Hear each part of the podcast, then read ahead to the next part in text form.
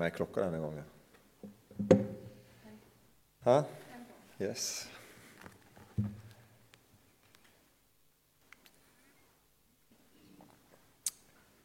Vi begynte egentlig på noe i går, og så fortsetter vi i dag. Og så tror jeg det er sånn at hvis ikke du fikk med deg timen i går, så tror jeg at uh, Jeg håper du gikk glipp av noe, men uh, det går greit liksom, tror jeg, å komme inn i denne timen for deg.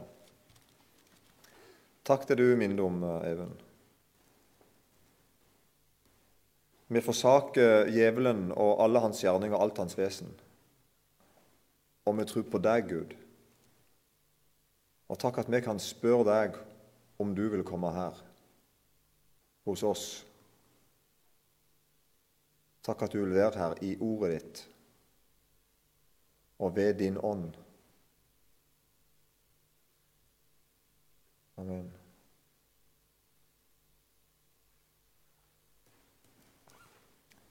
Bare litt sånn repetisjon ifra i går så hadde vi litt om det om at, eh, som du var inne på, vi skal ikke, vi skal ikke dømme, sier vi. og det, ja, det er mye sant i det. Og så mener jeg at det er noe som er forkjært eller misforstått i det. Vi kan ende opp med å gå glipp av mye bibelsk stoff.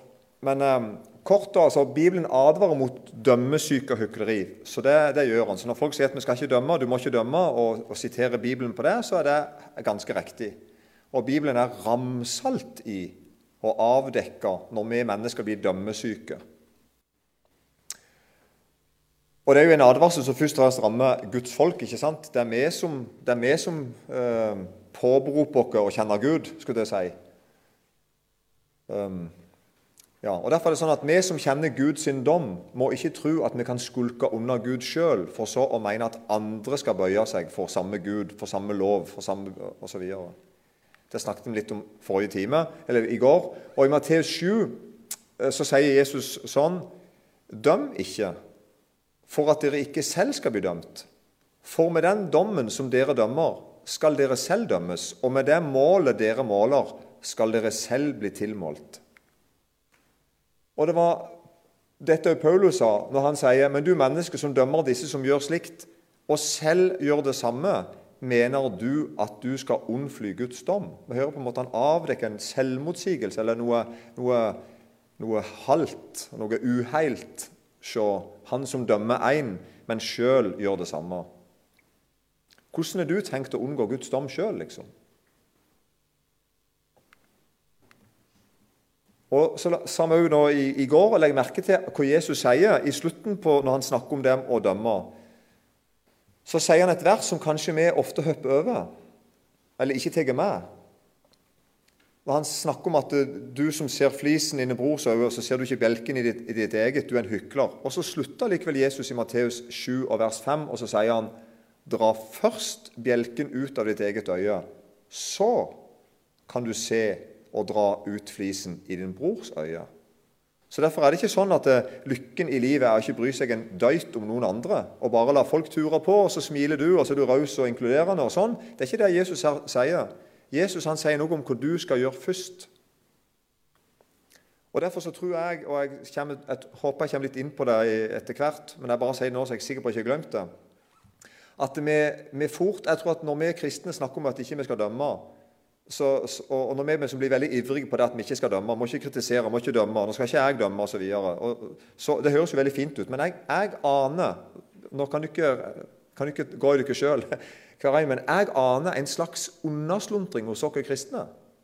For det, det, det forplikter jo hvis jeg sjøl skal leve innenfor Gud. Ikke sant? Det forplikter meg jo. Så jeg tror noen ganger at en kristen kan si ja, ja, nå skal ikke jeg dømme. Og egentlig er det like mye for å få fri sjøl. At du tenker at 'jeg vil ikke bøye meg for Guds ord'. Jeg vil ikke gå, bøye meg for det som står der. Og så kan jeg på en måte ta på meg en slags uh, uh, raus uh, tone til deg. ikke sant? Men egentlig var det like mye for å få fri sjøl. Så det forplikter jo å være en kristen. Og Derfor tror jeg det er sånn at vi nesten vegrer oss mot å kalle hverandre hellige. Det, vi syns nesten det er litt bedre å kalle hverandre for syndere, vi kristne. Du har tenkt på det? Veldig ulikt Bibelen. Og jeg tror mye av det handler om at ja, det, kan, det kan være at vi er veldig ydmyke. Det kan være at noen her er så ydmyke at de tenker at jeg vil ikke kalle meg noe annet enn en synder. Men, men, eh, Når Paulus skriver brevet, så skriver han aldri til syndere i Efesus eller Korinta. Sånn. Han skriver til hellige. Og det, det vi skal være klar over at Hvis du er hellig, du er, det er du som hører Jesus til. Det er ikke noe hvis. Du som hører Jesus til, du er hellig. Og I det øyeblikket du tar det ordet i munnen din, så kjenner du oi, dette forplikter. Har du tenkt på det? Hvis, hvis jeg er hellig Jeg kan på en måte ikke gjemme meg bak ja, ja, jeg er jo bare en synder. Nei, jeg er ikke bare en synder. Alt er ikke sagt om meg så lenge du hører Jesus til. Ikke halvparten engang sagt om meg. Og Her er vi altså med en av de største syndene i vår tid, mener jeg, og det er det at kristne velger å ikke være lydige mot Gud. Altså De, de inntar et valg at det er et par ting som jeg ikke tenkte å bøye meg for i Guds ord. Jeg, jeg gidder ikke. Det passer meg ikke. Og Dessuten så er det ingen andre rundt meg som heller gjør det, så hvorfor skal jeg gjøre det? Og så innretter vi oss i strid med Guds ord. Det kan være små ting sånn, og du mener mennesketalt, små ting som ingen legger merke til, som ikke er en big deal for noen andre. Og det kan være ganske store, åpenbare synder.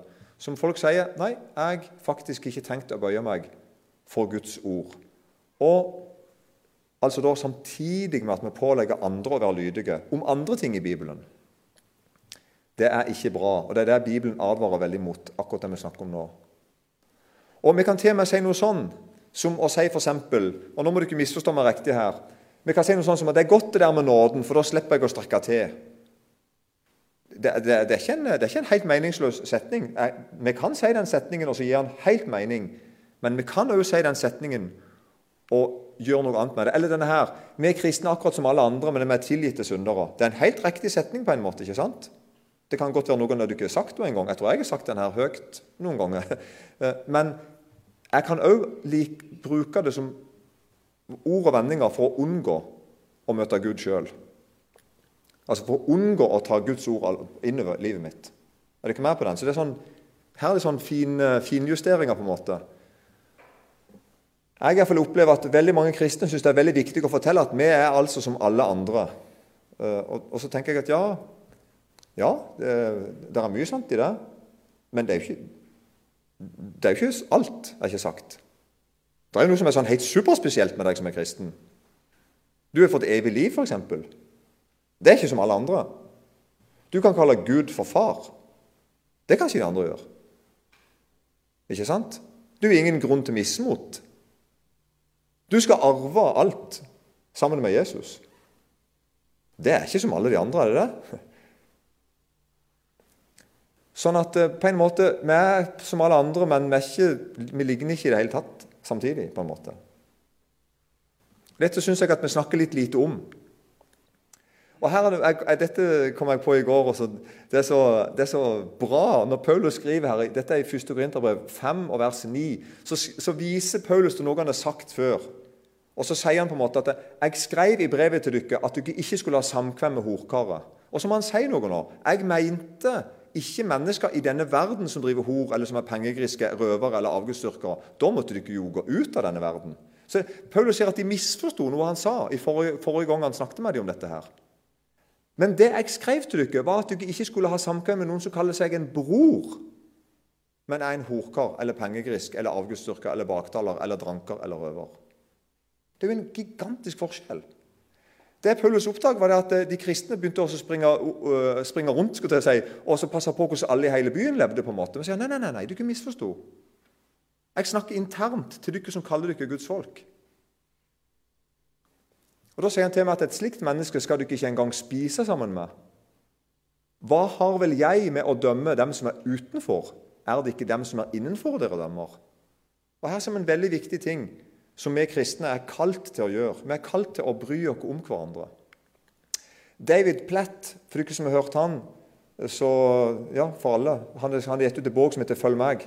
På side 129 på norsk i den så står det sånn Det siste vi må gjøre når en bror eller søster stadig faller i synd, er å si 'Det er ikke opp til meg å dømme', sier David Platt en, en, ganske kjent eh, forfatter og pastor og misjonær og evangelist.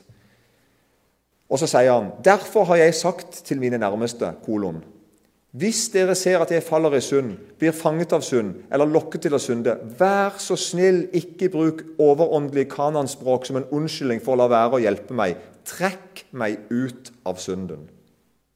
Det er godt sagt. Og det er klart at Da ser jeg, i lys av det Hvis jeg hadde vært David sin venn, noe som for øvrig hadde vært veldig kult å vært, så, så, hadde, så sier jeg at nå passer det ikke for meg å si ja, ja, nå skal ikke jeg dømme. Da sier plutselig David, da sier plutselig David at vil ikke du være broren min? Vil du ikke bry deg om meg? Trekker du deg unna kallet vi har fått? Det der er nestekjærlighet. Det er på en måte faktisk det, er det innerste, innerste av nestekjærlighet. Å bry seg om når andre blir fanga av synd. Å bry seg om når noen feller i synd og miste synet på Jesus, miste frimodigheten, miste gleden og står i fare for å miste livet. Og Det er jo det som er tema på denne, for denne overskriften for denne veka, Bær hverandres byrder. Og Det står i, det står i Galaterne brevet 6 og vers 2 så står det sånn Bær hverandres byrder og oppfyll på den måten Kristi lov. Det er ganske drøyt. Altså, Ved å bære hverandres byrder så oppfyller vi Kristi lov. Men hva står i verset før, i vers 1? Brødre, om også et menneske skulle bli overrumplet av en eller annen synd, da hjelp han til rette dere åndelige, med ydmyk ånd.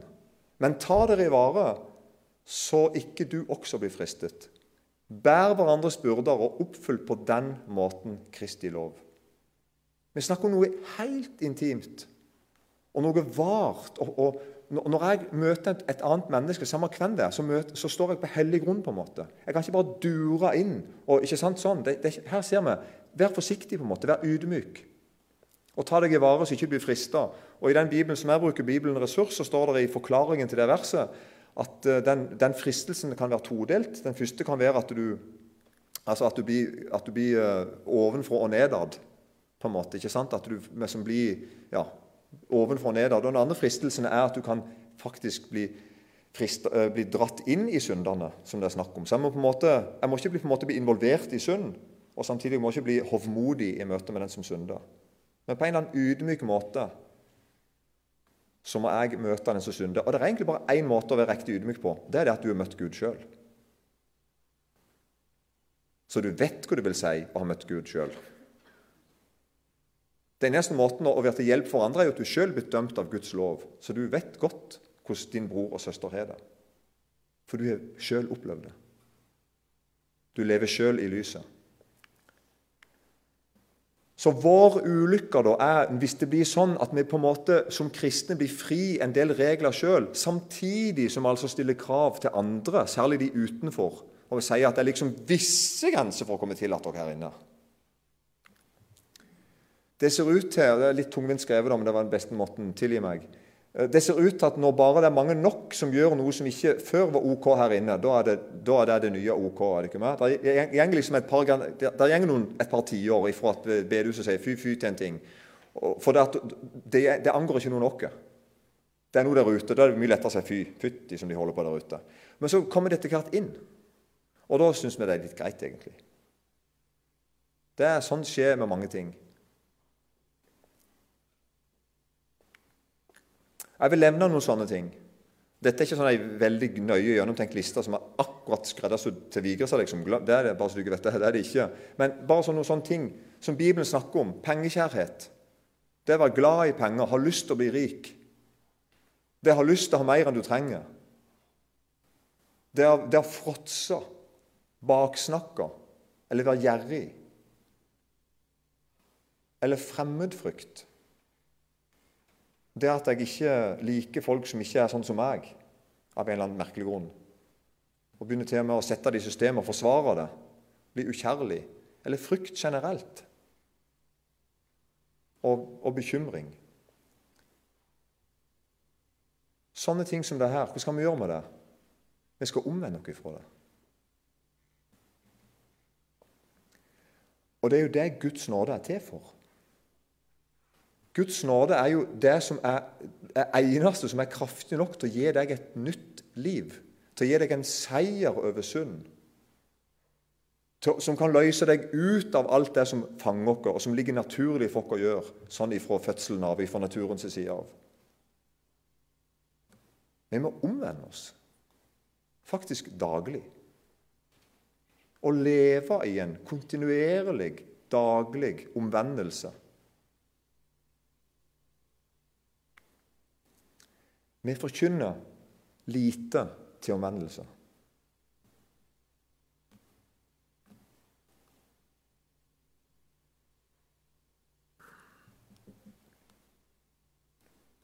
Og mange kristne, mange kristne vet lite om synsbekjennelse og tilgivelse. Det er min erfaring.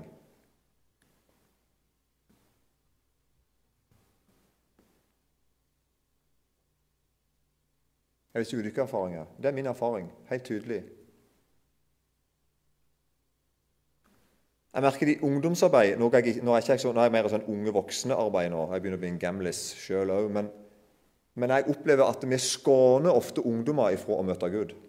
Vi er livredde for at ungdommene skal få dårlig samvittighet til liksom få problemer problem i møte med Gud. Så vi forteller dem at du, du må altså ikke prøve å, å, leve hellig. Bare glem det, for du kommer aldri til å få det til. Du må ikke gjøre noen ting, faktisk. For det nytter ikke. Nå gjør ungdommene ingenting. Er det ikke meg? Nå har de hørt på oss. Så her er det noe som er farlig, og som er, jeg tror på mange måter er litt sånn misforstått. Men det var ikke dette vi mente. Det var ikke det vi mente når vi sa at vi ikke skulle gjøre noen ting.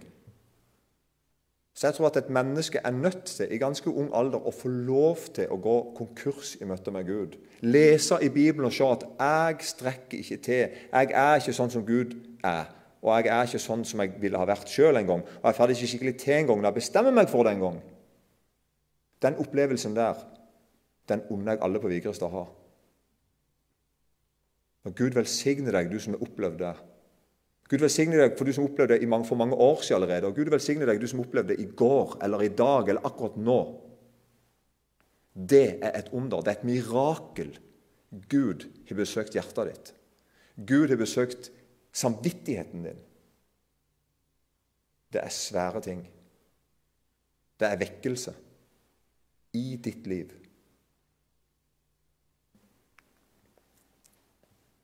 Allikevel er det sånn at hva er det som egentlig stenger folk ute ifra himmelen, ifra det evige livet? Hva er det egentlig som stenger det ute? Og Da, da må vi si at jo, det, er, det er på mange måter syndene våre som stenger oss ute. Men det er likevel en litt farlig tanke hvis, vi, hvis, hvis den tanken får lov å stå alene. Vi kan lett få på en måte en tanke om at uh, hvis vi bare hadde levd sånn og sånn her nede, så skulle vi sluppet inn i himmelen. Så Hvis du leser Jesus sin forkynnelse, så ser du at det, det, er egentlig det vanlige livet som stenger folk ute. Altså jobben, huset, pengene. Ikke sant? Ting som i utgangspunktet er ok. Jesus forteller lignelser om folk som ikke ville komme til forskjellige ting. F.eks. For kongssønnens bryllup, der han inviterer folk til å komme. Og, og, og når, når, opplysningene de hadde, altså Grunnen til at de ikke kom, var ikke de sa at 'jeg skal ut og gjøre masse synder i dag'. Det var ikke det de sa. De, de sa at 'jeg skal gå på jobb'. Jeg har akkurat gifta meg, jeg har akkurat kjøpt en traktor. Uh, altså, Jeg har ikke tid akkurat nå. Og Det er et poeng for Jesus å si det. At det som, det er vanlige ting. Som, de fleste tingene er, til ting som er utgangspunktet er gudgitte ting. Ting Gud vil vi skal bruke tida vår på. Men det var de vanlige tingene som kom i veien for Guds rike. Og Derfor må vi se mer. Vi må si at Det er ikke dine synder som hindrer samfunnet med Gud, men det er din mangel på tro på Jesus. Eller din manglende omvendelse, kan du si. Og Dette har jeg bl.a. fra Johannes 16 der, og vers 9, der Jesus sjøl sier Vi skal ikke ta det nå, men der han sier om synd fordi de ikke tror på meg. Så strengt tatt den synden som er utilgivelig, er den synden at jeg ikke tror på Jesus, han som er min frelser. Så var det egentlig ikke alt det gale jeg gjorde da jeg var liten, opp igjennom. Så var det egentlig ikke min ugudelige natur og så videre, som stengte meg ute fra himmelen. For det var det en løsning på. Men det var min manglende tillit til Jesus. Det at jeg ikke hadde tid å komme til han, for jeg skulle gjøre noe annet. Det var det som stengte meg ute. Og Det gjelder alle, absolutt alle. Det er ingen forskjell. Alle må omvende seg. Alle må bøye seg for Guds dom og ikke bruke den på andre. Det står veldig godt i Romerbrevet 3, 22 og 23. For det er ingen forskjell. Alle har syndet og mangler Guds herlighet, og, blir, og de blir rettferdiggjort for intet av Hans nåde ved forløsningen i Kristus Jesus. Kristne som ikke omvender seg, er ofte forferdelig harde i sin dom over andre. har jeg sagt. Der, der, der, der er vi som to muligheter. Hvis du er en kristen, og da mener jeg du, du hører Jesus til, Og så er det noe du vet at du skulle ha gjort, tatt et oppgjør med, men du gjør det ikke. Da skjer det som regel ett av to. Enten blir du veldig hard og veldig opptatt av straff og dum og, og, og edder og galle og svovel. Og, skjønner du, altså, han blir veldig opptatt av det, Eller motsatt. Du bare bakker helt ut og som tenker alt er lov. Du får et, et, anstrengt forhold til Guds lov, egentlig. Så det blir sånn, veldig sånn enten-eller. Så Når du leser Bibelen, så får du inntrykk av at de fleste fariseerne, som da på en måte var hyklere ifølge, ifølge Jesus sjøl, de ble veldig ofte krit, veldig kritiske. Veldig harde i dommen sin. Men det er òg noen som bare som bakker helt ut, og som sier at jeg ikke vil omvende meg, så bare frikjenner jeg alle dere andre òg. Så hvor raus jeg er, som om du var Gud. Og så må jeg si noe her nå. Det er en del krefter som vil diskriminere noen, holde noen borte fra Gud. Og jeg, jeg, tror ikke jeg vil bruke eksempler nå, for det eh, jeg vil gjøre det litt sånn tidløst, dette her. Og sånn, Ikke bare la det være én sak. Men prøv å tenke hva du, tror, hva du ser i tida vi lever i nå. Det er en del krefter som vil diskriminere noen. Og det vil si, de tror at de ikke gjør det. Og så de, går de til noen folk og så sier de, du klarer nok ikke Guds standard. Så vi skal gjøre et unntak for sånne som deg. Sånn snakker en del kristne i Norge i dag. Hvem i all verden har gitt de autoritet til det? Iallfall ikke Gud. Det er helt sikkert. Hvem er du som våger å sette deg til dommer over Gud? Med å si til en person at akkurat din livssituasjon er så og så vanskelig, så du, du er nok fritatt en del bud her. Stakkars deg. Hvem er du som våger å trekke mennesker bort fra Gud ved å anta at deres bakgrunn ikke angår Gud, eller er for vanskelig for Gud? Eller at Gud ikke vil omvende mennesker fra en viss type synder eller en viss type livsstil?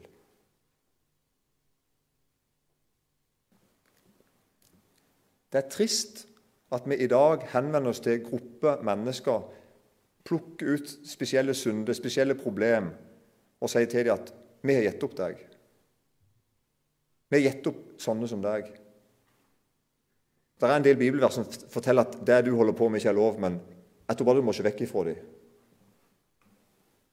Det er ikke fint hvis du ser det sånn. Og Sånn er ikke Gud. Gud har ikke gitt noen opp. Heller ikke deg.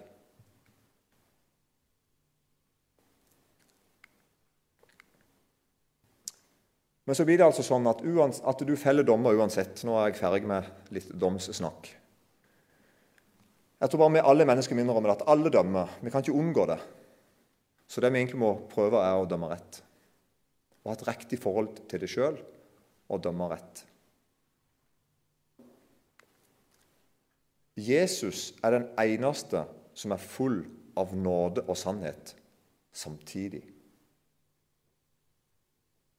Det står i Johannes 1,4 og Ordet ble kjød og tok bolig blant oss, og vi så Hans herlighet, en herlighet som den en enbåren sønn har fra sin far, full av nåde og sannhet. Det er et utrolig sånn sprengkraftig uttrykk om Jesus. Full av nåde og sannhet. Hvis Gud er underlagt et kristelig styremøte eller et kirkesamfunn eller et politisk parti eller kommunestyre, da er det, det er selvsagt ikke Gud. Det er bare religiøse krefter. Så det at, det at, det at vi kan vedta noe ikke sant, og bestemme oss for at det er galt og det er rett og sånn Nei. Da ender vi bare opp med å bli enten rause og dømmende, hvis det er to motsetninger. det der. Raus er et ord vi bruker veldig mye for tida. Helt nok, syns jeg. da, men Det har vi sikkert delte meninger om, men eh, jeg er lei av det ordet. Men vi ender opp som rause og dømmende. Altså, Jesus er full av nåde og sannhet.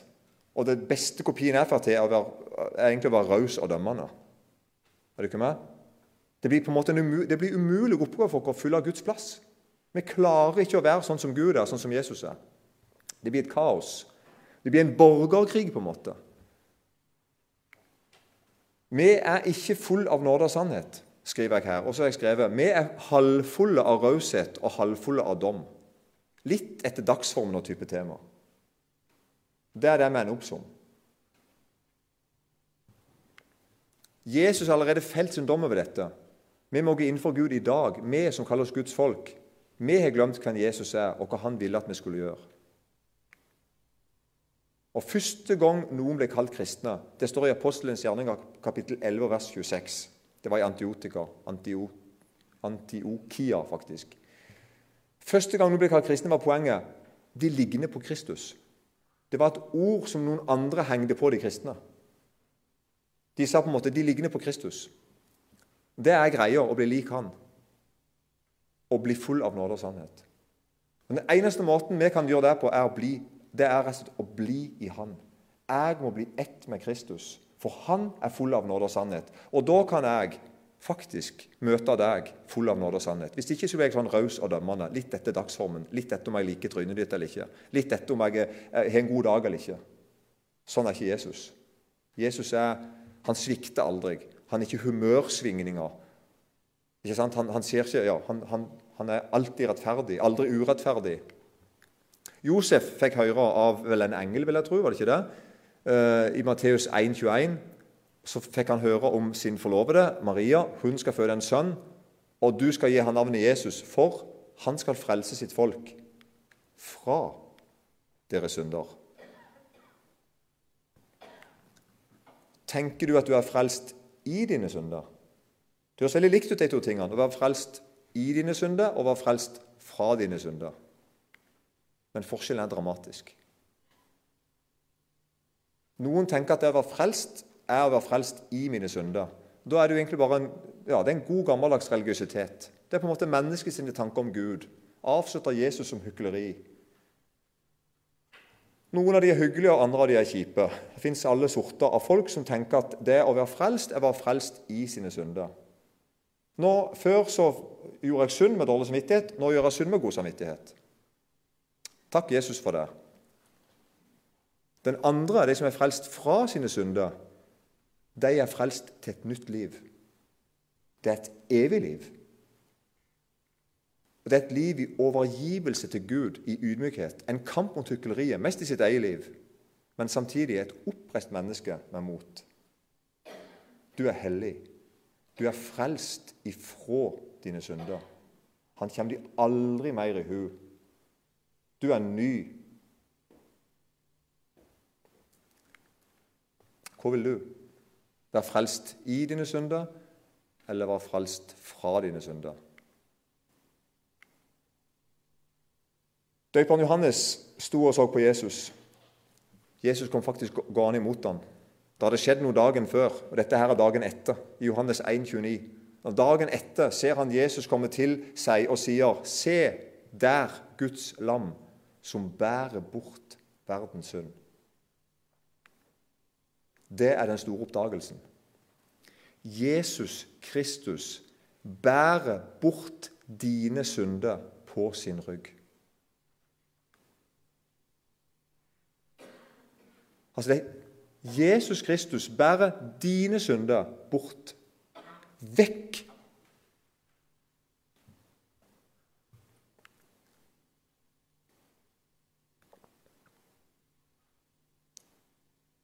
Guds ord dømmer deg, legger dine synder på din samvittighet. Det har Gud lov til. Bibelen sier at det er sånn det fungerer. Den skyldige må bære ansvaret, må bære skylden. Den skyldige må bære dommen, skammen. Gud er rett til å gjøre dette her. Han er Gud. Men døperen Johannes har oppdaga en hemmelighet. Dine synder kan ligge på Guds lam. Jesus som syndebukk. Han fikk skylda for alt det gale jeg hadde gjort, selv om han var helt uskyldig. Han tar på seg mine og dine synder og gjenger ut i ødemarken for å dø, for aldri å komme tilbake med det han bar på. Og Dette her er jo henta fra 3 Mosebok 16.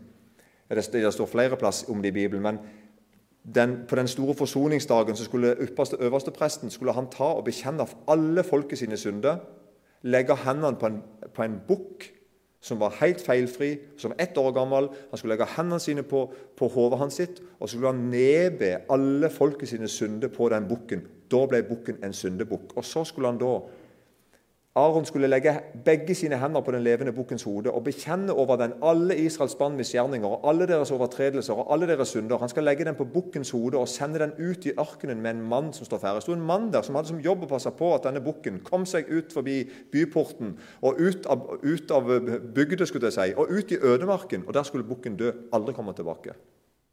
Og Bukken skal bære alle deres misgjerninger med seg ut i villmarken Og så skal han slippe bukken løs i ørkenen for å dø. Og så kunne på en måte hele israelsfolket se syndene mine ble lagt på den bukken. Ja, hadde den, saken, hadde den noe med saken å gjøre, egentlig? Nei. Det var en bukk som var bare veldig ut av Gud. Gud hadde sagt det var sånn det skulle være. Og så så vi at den bukken ble leia ut og vekk. Og vi har aldri sett den etterpå. Det er veldig pedagogisk, og det er veldig sant. Jesus er din syndebukk. Han har båret bort dine synder. Jesus ble kalt Jesus, for han skal frelse sitt folk fra deres synder. Du skal gå fri. Du skal ikke leve i synden. Så det er én av to, altså. Så er det altså sånn at din utilstrekkelighet, dine mangler, din umoral, dine gale valg, dine ugjerninger, din ugudelighet, hva du vil, det kan ligge enten på deg og din samvittighet eller på Guds lam. Har du ikke med på den? Alt det du opplever som utilstrekkelig i livet ditt, galt, ikke sånn som du ville, det er fullt av brister, det er ikke sånn som du ønsker det skulle vært det kan være helt konkrete, spesifikke synder, eller bare sånn generelt en følelse av at 'jeg er ikke som jeg skal', 'jeg, jeg er ikke hellig', osv. Alle de tingene der det er, det er nok for det meste ting Gud minner deg på, og som er rett. Det meste av det er sikkert sånn. Ikke alt. Djevelen er ute og ligner på, ligner på det Gud snakker om. Men allikevel så er likevel spørsmålet hvor vil du at det skal ligge? Vil du at det skal ligge på deg og din samvittighet, eller vil du heller legge det på Guds lam? Ligger det på deg, er du fortapt. Ligger det på lammet, er du fri. Du er fri. Du har lov til å kalle deg hellig. Du har til og med lov til å oppføre deg sånn. Det er ikke lovisk, hvis du skjønner. Du er fri. Du er fri til å holde loven. Loven er ikke lenger, en, en, en, lenger eh, noen bud som ligger over deg og forteller deg hvordan du skal ha vært. For Du kan si 'Jeg har holdt deg. Jeg har oppfylt deg. Jeg har fått loven skrevet i hjertet mitt. Jeg er kjøpt fri til å holde Guds bud. Og Gud forteller dette til oss i hundrevis år gjennom jødefolket. Han forteller dette her. Pedagogisk det, bruker hele verden, hele kloden, som en lerret for fortellingen sin. Sånn er jeg. Og nå roper han det ut gjennom Kristus. Jeg elsker deg. Jeg er betalt for deg. Lammet har alltid vært hos Gud. Det uskyldige lammet som ble en soning for dine synder. En soning, vet du hva det betyr? Straffen er altså, hun er oppgjort. Når noen har sona, så betyr det at eh, du ble tatt for noe, og du ble putta inn, eller sånn, og så satt du inne, og så sonte du. Og så når du er ferdig, så er du ferdig sont. Dine synder er sona. Din straff er sona. Det, altså, det er ferdig. Ting er i orden. Du er fri. Tror du det? Da er du hellig.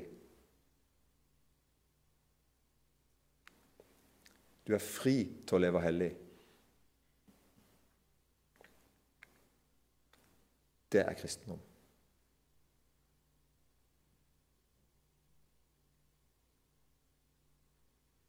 Kjære Jesus, jeg ber om at du må reise opp et hellig folk på Vigrestad og andreplass.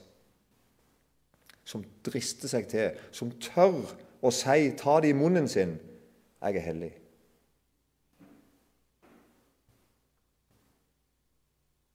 Som tør å snakke med bror sin, med søstera si,